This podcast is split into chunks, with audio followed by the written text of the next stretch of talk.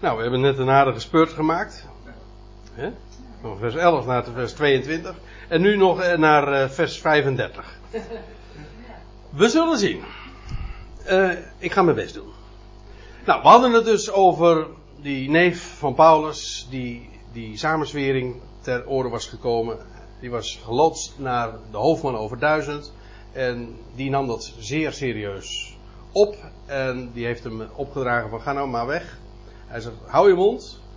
En dan komen we aan in vers 23. En hij, dat is die hoofdman over duizend, riep een tweetal hoofdmannen over honderd tot zich.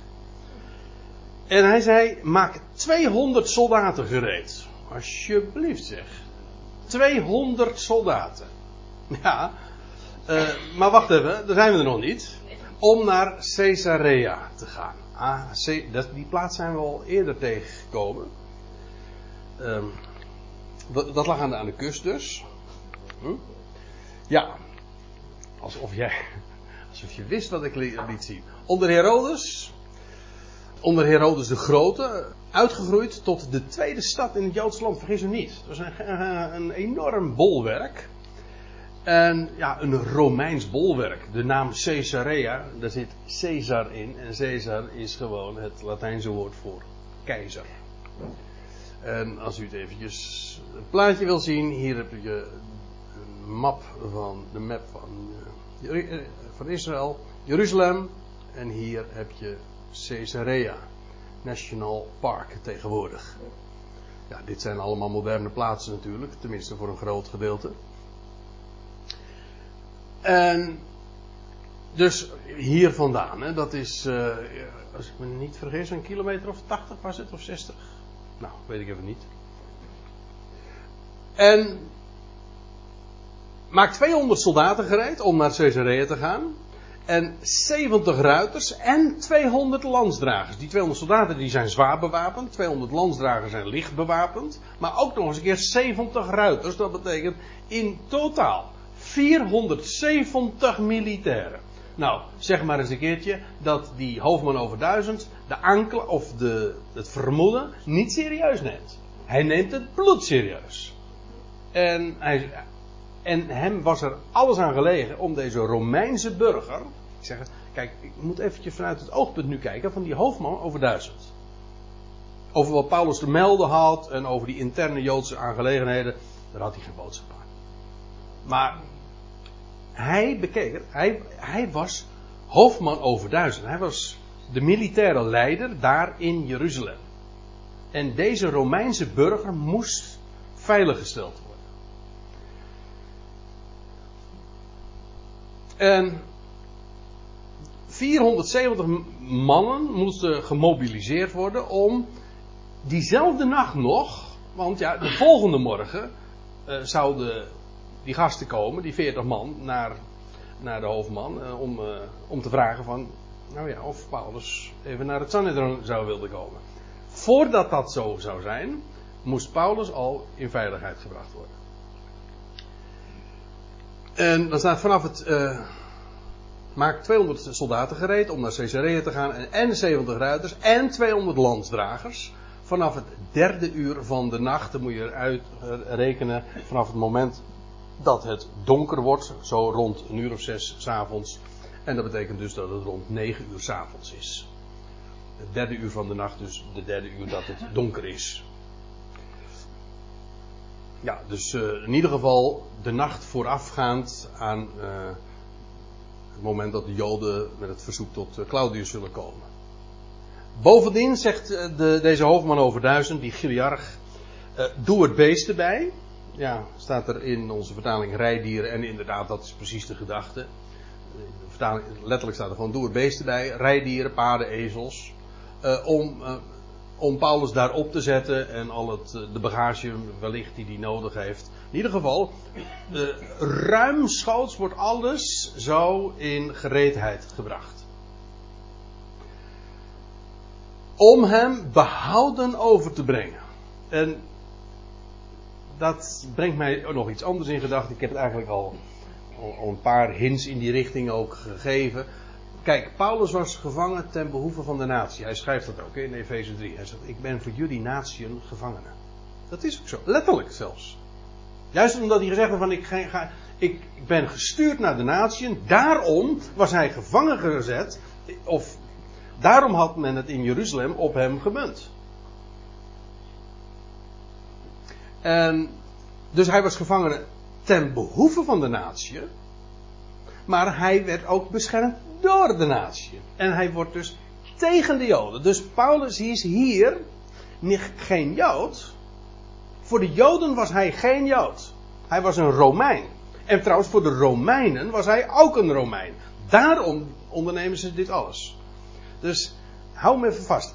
Paulus is hier de Romein die uh, zo in veiligheid gebracht wordt. En, om, en alles wordt dus in het werk gesteld om hem behouden over te brengen. Veilig over te brengen naar Felix, de stadhouder, de gouverneur. Caesarea is uh, zijn residentie, dat is zijn verblijfplaats. En we zullen ze ook trouwens zien in hoofdstuk 24, maar goed, dat gaan we pas uh, in het volgende seizoen uh, bespreken. Uh, dat Paulus ook voor Felix geleid wordt en dan gaat hij zijn verhaal ook doen. En als die later na twee jaar wordt afgewisseld door een andere stadhouder, een andere gouverneur, Festus, mag Paulus nog een keer zijn verhaal doen. Ook dat wordt uitgebreid verhaald. Dat is handelingen 25 dan. En dan vervolgens komt er een, een, een, een Herodes koning, namelijk Agrippa, op bezoek bij Festus. En dan mag Paulus nog een keer zijn verhaal doen. Dat is handelingen 26. En dan zullen we dus drie hoofdstukken achtereen redes, toespraken gaan weer gaan analyseren, onder ogen zien. Ja, en dan, uh, dan komt er weer een heleboel natuurlijk boven water. Dit is gewoon puur een reeks van gebeurtenissen, een geschiedenis die verteld wordt. Afijn, Paulus wordt dus vanuit Jeruzalem onder zo'n hele veilige, onder zo'n enorme massale escorte, wordt hij geleid naar Caesarea, naar Felix, de gouverneur. Daar wordt hij vervolgens ondergebracht, zeg maar. Hij, die, die hoofdman over duizend, schreef een brief van dit type, van dit model. Hier staat gewoon het Griekse woord typon. Dus, hij schreef, en, en hoe, hoe, Lucas zo wist, uh, kon weten dat, dat die hoofdman dit heeft geschreven. Ja, misschien omdat later deze brief is uh, tijdens het proces is voorgelezen en dat Paulus dat verteld heeft. Weet ik verder niet, maar in ieder geval, Lucas blijkt goed op de hoogte te zijn van wat deze hoofdman heeft opgetekend. Afijn, die hoofdman over duizend, die stuurt Paulus dus met die enorme escorte naar Caesarea, naar Felix, de, de gouverneur, en hij krijgt een brief mee. Nou ja, er wordt een brief meegestuurd. En wat stond erin? Claudius Lysias. Haha, hier hebben we dus zijn naam. Nu, voor het eerst komen we zijn naam nu tegen. Nu, weten we dus waarom die zo heette. Ik heb u al, ik geloof ik bij een eerdere gelegenheid verteld. Uh, Lysias was gewoon zijn oorspronkelijke naam. En later, omdat hij dat. Hij was ook een Romeins burger, maar hij had gezegd tegen Paulus: van ja, ik heb het uh, voor een, groot bedrag verkregen, gekocht. En omdat Claudius toen, keizer Claudius, toen de keizer was, heeft hij toen ook de, bij, eh, de naam erbij gekregen. Claudius Lysias. Zo ging dat. Goed, daar heb ik al eerder wat over verteld. In ieder geval, eh, hij stelt zich voor, zo, zo worden brieven opgesteld. Eerst wordt de afzender vermeld. Logisch, want dat is het eerste wat je wil weten als je een brief opent, toch? Van wie, wie is die afkomstig? Vervolgens de geadresseerde, aan de hoogvermogende, of in de vertaling staat dan de MBG, aan de hoogedele, letterlijk de hoogvermogende gouverneur of stadhouder Felix. En dan verheug je. Dat klinkt wel vreemd. In de MBG-vertaling staat er ook gewoon groet. Dat is misschien ook wel zo. Gewoon, dat is de normale officiële groet. Maar dan moet u weten, hier staat het woordje gairein en dat betekent letterlijk verheugen ons woord, uh, of het woord genade zit daar ook in. Men groette elkaar met genade. Ja, uh, een groet had inhoud dus. De, de Grieken groeten elkaar met genade. Zoals de Joden elkaar groeten met vrede. Shalom. En Paulus die groet altijd met genade en vrede. In die volgorde trouwens ook. Want vrede is gebaseerd op genade. Komt voort uit genade. Het is trouwens ook eerste. Ja, bij Paulus staat dan de Griek ook weer voorop. Hè? Toch. Ja, ik weet wat u nu denkt. Ze is toch eerst de Jood en ook de Griek? Jawel. Nou ja. Uh, dan moeten we, dat is weer een ander onderwerp. Maar in ieder geval, hij zegt verheug je. Uh, de groet, maar het is meer dan alleen maar de groeten. Ja, doei, hoi. Ik bedoel, dat zijn inhoudloze groeten. Goedendag niet. Het dat zegen. Zegen? De zegen. Zo ging of zo, de zegen. Ah. Ja, in Duitsland, ja. Of nou in Oostenrijk, hè, in Kruskot. En in. Uh, en als je dan weg, en als je weggaat, zegt in Frankrijk adieu. Adios. Uh, adios is ook gewoon, uh, God zij met je. Ik bedoel, dat zijn groeten die hebben inhoud. Ja, daar zeg je heel veel mee. En ik, wist u trouwens dat, eventjes uh, terzijde, maar wist u dat het, het Griek, of nee, het Engelse goodbye, eigenlijk van God be with you komt. God be with you. We, ja, het is eigenlijk oud-Engels. God be with you, met jullie. God zij met jullie. Dat is wat goodbye betekent. Ik heb het ooit eens een keer verteld aan, uh, aan uh. Goede vriend Therese, en die heb ik uh, elke week wel een keer aan de lijn. En altijd als wij afsluiten ons gesprek, dan zeggen we goodbye. En zij weet precies wat ik dan bedoel en, en ik weet wat zij bedoelt. Ja.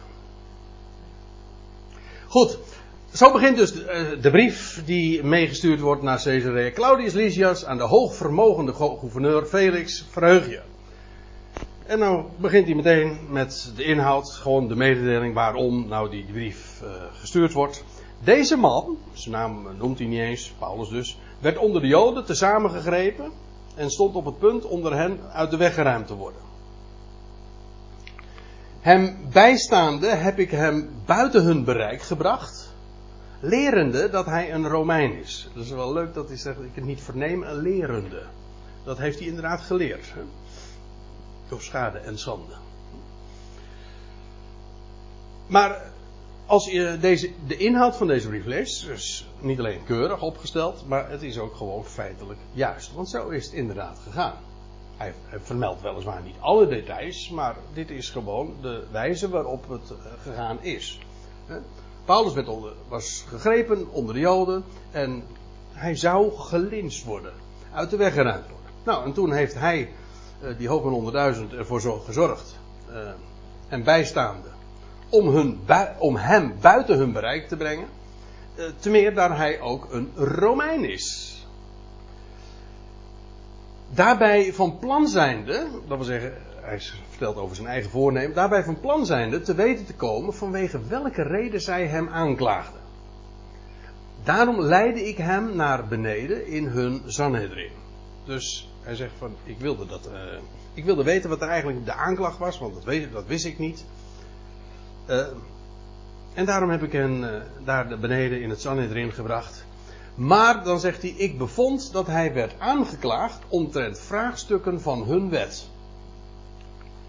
Hij, wij zouden dan zeggen: interne kwesties die daar onder de Joden spelen over de, de schriften en ze hadden discussies.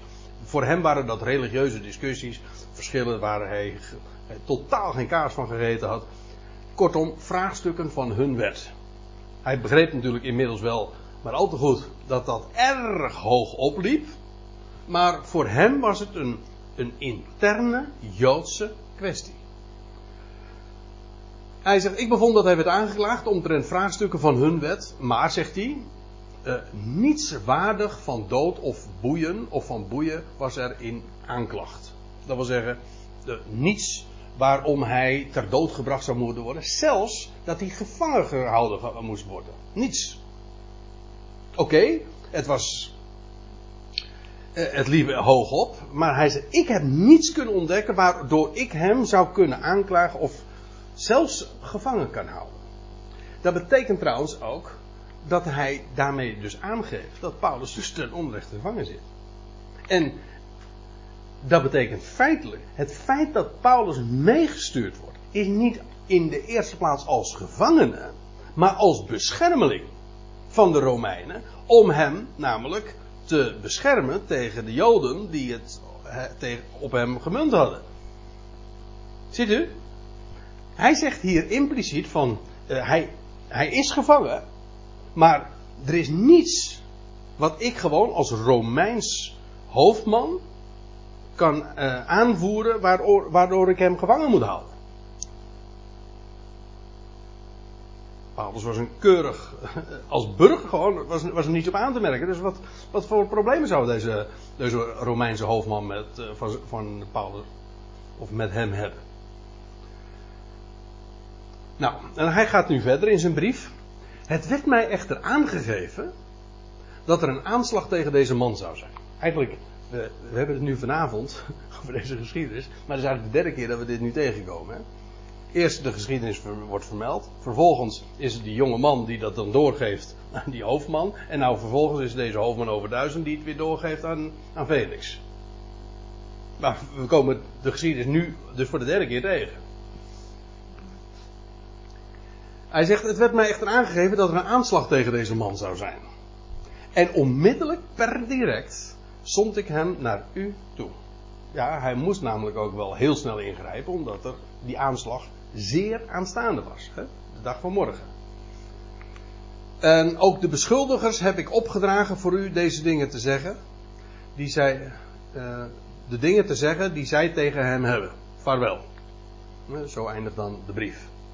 Uh, hij zegt hier, heb ik opgedragen, dat bedoelt hij mee. Uh, al die beschuldigers, die tegen de tijd dat, dat deze brief in Caesarea aankomt, heeft die hoofdman al tegen de Joodse raad gezegd van... Als je, als je hem wil beschuldigen, als je een aanklacht wil aandienen, dan moet je naar Caesarea toe gaan. Dat, dus op het moment dat, dat Felix dit leest, dan heeft hij dit inmiddels al opgedragen. Vandaar dus dat hij dit schrijft in, in de perfectum, in de, als verleden tijd. Ik heb hem. Uh... Nou goed, dat is duidelijk. En zo uh, dus een, een, korte inhoudelijke mededeling van dit is de gang van zaken, zo zit de vork en de steel, daarom uh, stuur ik hem nu naar jou toe. Vaarwel. En dan lees je de soldaten inderdaad. Uh, de soldaten inderdaad dan, naar wat hen was voorgeschreven, namen Paulus op en leidden hem door de nacht uh, tot in Antipatris. Dus ja, zoals uh, voorgeschreven was, gebeurt het ook. En Paulus wordt, uh, ja, door de nacht. Ik vind dat trouwens, zo'n mededeling is ook weer zo typerend. Hè? Het was met recht. Paulus neemt nu definitief afscheid van Jeruzalem. Oké, zijn reden had hij juist de vorige dag, wat er, ja, zeg het goed? Of die dag daar? ja, had hij de dag ervoor, had hij daar uh, die, die menigte nog toegesproken. Dat was zijn laatste woorden aan, aan de Jeruzalemmers. En nu neemt hij definitief afscheid. We weten ook niet of Paulus ooit nog daar in Jeruzalem is geweest. In ieder geval, laat ik het zo zeggen, in de Bijbel wordt het niet vermeld. God be with you. Hè? Goodbye.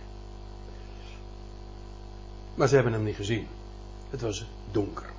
En die duisternis is, ja, is heel typerend eigenlijk voor, voor Paulus' afscheid van Jeruzalem. Het was nacht. Afijn, die, uh, al die soldaten die hebben dat gedaan. Ze, nemen, ze hebben Paulus opgenomen. En ze leiden hem door de nacht tot in Antipatris. Dat is uh, een stad 60 kilometer ten noordwesten van Jeruzalem was ook gebouwd door Herodes de Grote. De groot, de, ja, Herodes de Grote, dat is die, die man van de kindermoorder trouwens. En die had de stad genoemd naar zijn vader Antipater. Antipater betekent trouwens in plaats van vader. En als u even wil weten hoe dat zat, kijk, hier heb je dus Jeruzalem. En hier heb je dat Caesarea, waar, waar die uh, Felix dan gevestigd is. Daar moest hij naartoe. Maar goed, ze leiden hem eerst naar Antipatris, dus halverwege. Nog een kilometer of 20, 30 geloof ik te gaan of zo, iets in die geest. Uh, ze komen dus daar bij Antipatris aan. Uh, en dan lees je de volgende morgen echter, als ze daar dus in Antipatris gekomen zijn, lieten zij de ruiters samen met hem, Paulus, gaan. Terwijl zij terugkeerden tot in de legerplaats. Dat wil zeggen, nu keert die 400 man, soldaten en landsdragers, keren terug. En alleen die 70 man, die 70 ruiters, die begeleiden Paulus nu naar, naar uh, Caesarea. En zij keren weer terug naar Jeruzalem. Eigenlijk ook uh, heel begrijpelijk. Want u moet zich voorstellen, dat was, het was een, dat was een flinke, door zo'n enorme groep soldaten uh, daar uit Jeruzalem, die daar gestationeerd waren, uh, weg te leiden. En die moesten weer terug naar hun plaats. Te meer, dat je moet realiseren, in, uh, het was Pinksteren. Oh, daar in, dus vele pelgrims waren daar in Jeruzalem. Dus ja, daar moest, daar moest de wacht gehouden worden. Dus Jeruzalem kon niet zomaar een paar honderd tenminste vanuit het oogpunt van de Romeinen, zomaar een paar honderd soldaten daar uh, missen. Nee, dus die moesten weer zo snel mogelijk terug. En nu, aangezien nu toch het gevaar geweken was, want nu waren ze in Antipatris, die, dus ja, nu was het helemaal niet gevaarlijk meer. Trouwens, nu was, er waren alsnog hoor, 70 ruiters hè, die Paulus begeleiden. Even zo goed nog. Waarmee je dus inderdaad ziet uh, hoe zeer ja, het, het, belang wat aan Paulus gehecht werd, daar in Jeruzalem, uh, dat wordt onderstreept hiermee. Dat, dat er zo enorm veel, dat hij zo'n enorme uh, escorte, zo noem je dat toch? Ja? Meekrijgt. En het loutere feit dat die hoofdman dat ook uh, laat doen, ondanks het feit dat die vele pelgrims daar in Jeruzalem zijn, uh, geeft wel aan hoeveel gewicht hij aan die, de zaak Paulus hechtte. En hij had wel in de gaten van, dat is zo'n hot issue hier in Jeruzalem. Dit moet gewoon zo geregeld worden. Hoe dan ook, uh, ze komen daar in Antipatris aan en de 400 man soldaten keren weer terug naar de kazerne in Jeruzalem. Uh, en de ruiters die gaan uh, samen met Paulus richting Caesarea. Die, en dan gaat het dus over die ruiters, terwijl zij binnenkwamen in Caesarea, de brief afleverden aan de gouverneur, de stadhouder dus, en ook Paulus voor hem stelde. En moet je je voorstellen, het was nog maar kort tevoren, een paar dagen eerder, dat Paulus daar ook in Caesarea verbleef. Weet u nog, in, dat lazen we in Handelingen 21. Nou ja, dat is alweer een tijdje geleden, maar. Dat Paulus, weet u wel, daar in Caesarea was en daar, daar logeerde hij bij Filippus, die vier ongehuwde dochters had. En die profeteerden. Namelijk wat Paulus in Jeruzalem zou gaan meemaken. En dat hij gevangen genomen zou worden. En toen kwam er ook nog, oh ja, dat was ook nog zo. Toen kwam die, ach, was dat, dat was nog in Caesarea. Ja, ja, dat is ook zo, want dan lees je in, in ik lees nu even voor in handelingen 21 vers 8. En de volgende dag gingen wij vandaar en kwamen te Caesarea. En wij, dus Lucas was er ook bij. En gekomen in het huis van Filippus, de evangelist, die behoorde tot de zeven, bleven wij bij hem. En deze had vier ongehuwde dochters die profeteerden, zo staat het letterlijk. En toen wij daar verscheidene dagen bleven, in Caesarea dus, kwam uit Judea een zeker profeet genaamd Agabus. En deze, toen deze bij ons gekomen was, nam hij de gordel van Paulus en zich voeten en handen bindende, zeide hij: Dit zegt de Heilige Geest: De man van wie deze gordel is, zullen de Joden te Jeruzalem zo binden en uitleveren in de handen van de natie. Nou, en nu, dit is zo gegaan De dochters van Filippus hebben het geprofiteerd. Die Agabus die komt speciaal vanuit Judea, Jeruzalem, daar in Caesarea, om het ook nog eens tegen Paulus te zeggen. Dit wist Paulus. Natuurlijk, met zijn omstanders die hebben hem toen vervolgens gezegd, nou, dit is een aanwijzing, je moet niet gaan. Paulus wist, ik moet wel gaan. Toen werd zijn hart nog week gemaakt, weet u nog? Nou ja, we gaan dat allemaal niet nog een keer herhalen, maar. Dat was een paar dagen, daar gaat het maar even om. Het was een paar dagen eerder nog. Dat Paulus daar in Caesarea als een vrij man verbleef. En toen al was het hem op het hart gebonden, zo duidelijk. Van Gods wegen, jij zal daar in Jeruzalem gevangen genomen worden.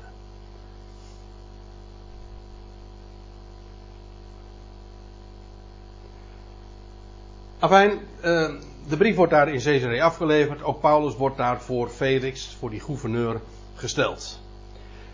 Echter, gelezen hebbende, vroeg hij, die, die gouverneur dus, vanuit welke provincie hij is. En hij stelde vast dat hij van Cilicië was. Weet je wel, niet Sicilië, Cilicië, waar Paulus vandaan komt, de Tarsus. Geboren, uh, hij was geboren in Tarsus en opgegroeid in Jeruzalem.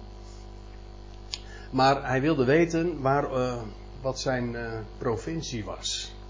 Eigenaardig, er wordt niet bij vermeld waarom hij dat wilde weten. Misschien omdat dat in, van belang was in verband met het proces. waar het proces gevoerd zou moeten worden. Ik weet niet. Maar in ieder geval, hij, hij, hij vroeg daarnaar. En hij stelde vast dat hij van Cilicië was. En dat hebben we al een paar keer inmiddels gelezen. En dan in het laatste vers, ja, ja, Zeg, zeg het goed? Ja. Uh, staat er dan, hij, uh, dat is die, die Festus, die gouverneur, de stadhouder. Hij zei met nadruk, ik zal jou een hoorzitting geven. zodra ook jouw beschuldigers zullen aankomen. Dat had die hoofdman gezegd. Hè? Dus aanklacht. En die komen ook. En we, lezen trouwens in handelingen 24 ook dat vijf dagen later komen die gasten ook. En dan vindt dan dat proces plaats, feitelijk. Ik zal jou een hoorzitting geven, zodra ook jouw beschuldigers zullen aankomen. Uh, nee, ik zal jou een hoorzitting geven, zo moet ik het zeggen. Zodra jouw beschuldigers zullen aankomen. Terwijl hij beval in het hoofdkwartier van Herodes hem te bewaken. In het praetorium. Dat is trouwens eigenlijk een Latijns woord. Dat is de ambtswoning van de, van de gouverneur, van Felix dus. Uh, ja, de stadhouder. Wordt, wordt trouwens ook gebruikt uh, in uh, de Evangelie om het ge gerechtsgebouw aan, zo wordt het geloof ik ook vertaald dan, waar, waar de Heer Jezus terecht stond. Hè? Het gerechtsgebouw van Pilatus. Hè?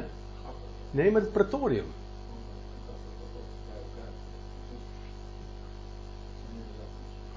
Ja, wat, wat was Gabbata dan ook? Nou, dat zoeken we nog uit. Ja. Ja. ja, het kan best zijn dat je gelijk hebt hoor. Maar het gaat maar even nu eh, om het woord pretorium. Ja. Het is eigenlijk dus gewoon de, het gerechtsgebouw, of eigenlijk het, het hoofdkwartier dus. De, het hof. En we weten ook, eh, Paulus, die is nu daar in Caesarea aangekomen. En daar zou hij twee jaar verblijven.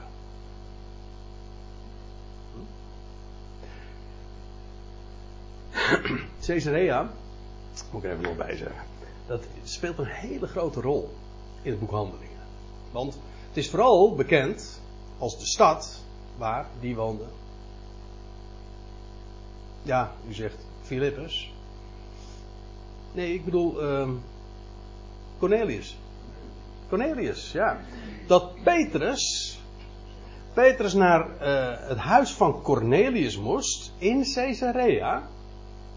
En daar opent. Uh, en daar opent Peter, u weet het, hè? Peter waren met sleutels toevertrouwd. En wat doe je met sleutels? Dan open je een poort of een deur. En dat is precies ook wat, uh, wat Paulus, Petrus doet. Petrus opent daar de poort voor de natie.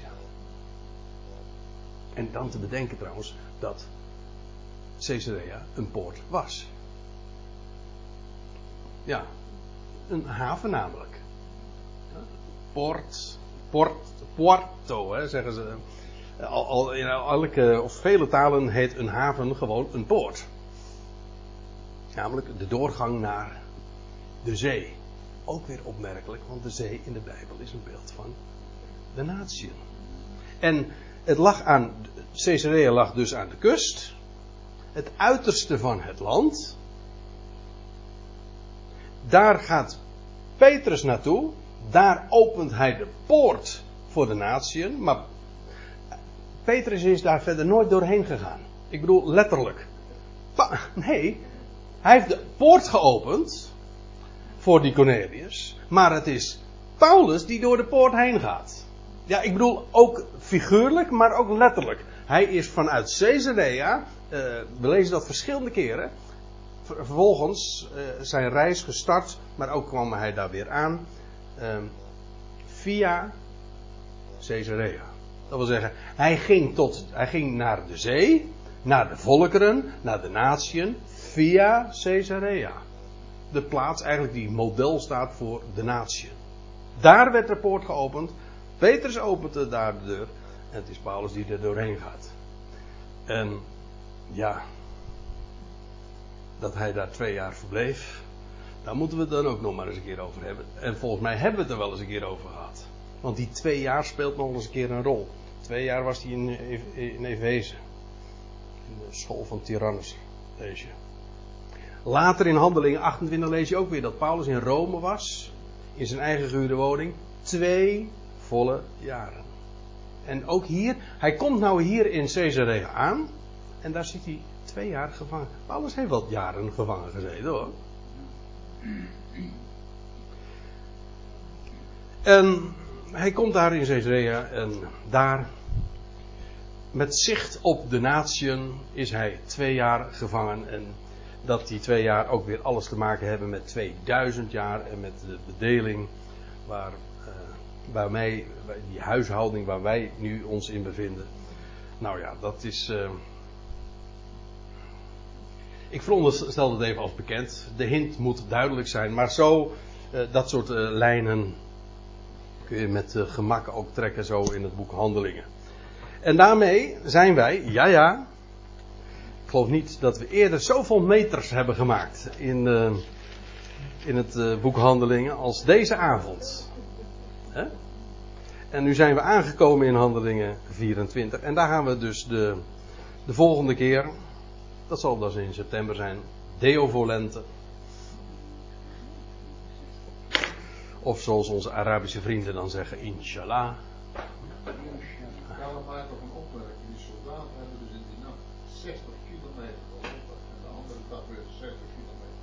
Ja, dat is wat. Ja. Dat kan je gewoon niet voorstellen. Kijk, van die ruiters kun je het je nog voorstellen. Hè? Dan, gaan ze, dan gaan ze vervolgens van Antipatris naar Caesarea. Dat is wel snel gegaan, want als je dat te paard doet, dan. Uh... Dat is gewoon in, in de rand lopen waarschijnlijk. Ze waren zo gedisciplineerd en opgeleid dat ze dat Maar het, ja, de Romeinse discipline en in die, van, die, van die militair is, is volgens mij nog steeds gewoon is beroemd. Dat was beroemd. Of berucht, ik weet het niet.